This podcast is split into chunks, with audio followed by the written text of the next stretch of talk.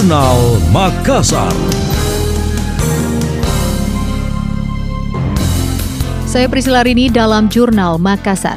PLT Gubernur Sulawesi Selatan Andi Sudirman Sulaiman akhirnya menepati janjinya memberi bonus dua kali lipat bagi atlet peraih medali PON 20 Papua. Nilai bonus atlet yang diberikan masing-masing yakni 200 juta bagi peraih medali emas, 150 juta bagi peraih perak, dan 100 juta untuk peraih medali perunggu. Total bonus mencapai 11 miliar lebih. Adi Sudirman mengakui bonus tersebut tak sebanding dengan perjuangan para atlet. Akan tetapi ia berharap setidaknya bisa semakin memotivasi mereka untuk menghadapi PON 2025 mendatang namanya kita sudah serahkan secara simbolis dulu ya dan nanti kita sudah juga sesuaikan dengan apa yang kita komitmenkan bahwa kita akan berusaha untuk meningkatkan dan ini sudah diberikan dua kali lipat ya 200 untuk emas kemudian 150 untuk perak dan kemudian ada 100 untuk perunggu ya. Nah, itu mudah-mudahan dengan begitu bisa memberikan motivasi untuk menghadapi nanti 2025 ya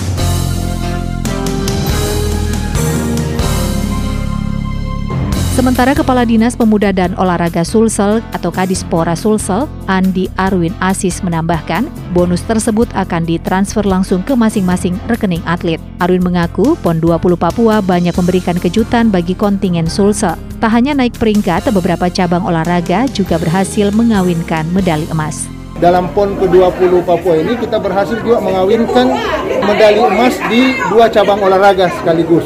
Banyak juga di antaranya memang cabang-cabang olahraga yang diharapkan bisa berkontribusi memberikan medali emas itu uh, tidak bisa memberikan medali emas. Namun ada beberapa cabang olahraga yang tidak diunggulkan untuk mendapatkan medali emas tapi mendapatkan medali emas. Jadi ada saling menutupi antara cabang olahraga yang satu dengan yang lainnya.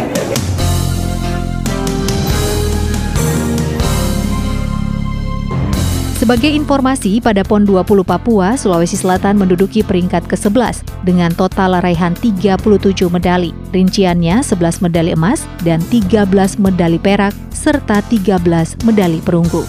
Anda tengah mendengar Jurnal Makassar. Jaksa Penuntut Umum Komisi Pemberantasan Korupsi atau KPK mengungkapkan, sidang dakwaan suap dan gratifikasi Nurdin Abdullah di Pengadilan Negeri Makassar akan memasuki babak baru.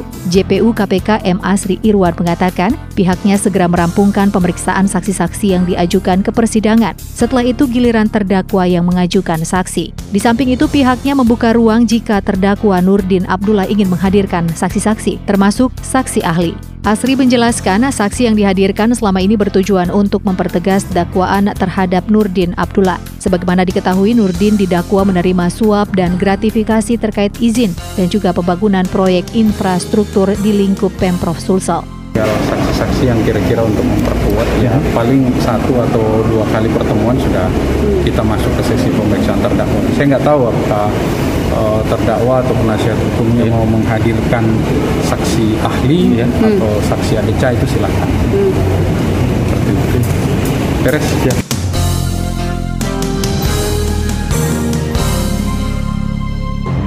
Secara terpisah, penasihat hukum Nurdin Abdullah Arman Hanis mengatakan pihaknya telah menyiapkan lima orang saksi yang akan meringankan terdakwa pada persidangan berikutnya. Sayangnya Arman belum bersedia mengungkapkan identitas para saksi tersebut. Pihaknya selaku penasihat hukum bersikuku dalam kasus ini. Nurdin Abdullah bukanlah pelaku utama. Menurutnya pelaku utama adalah orang yang berperan penting sehingga peristiwa pidana ini terjadi.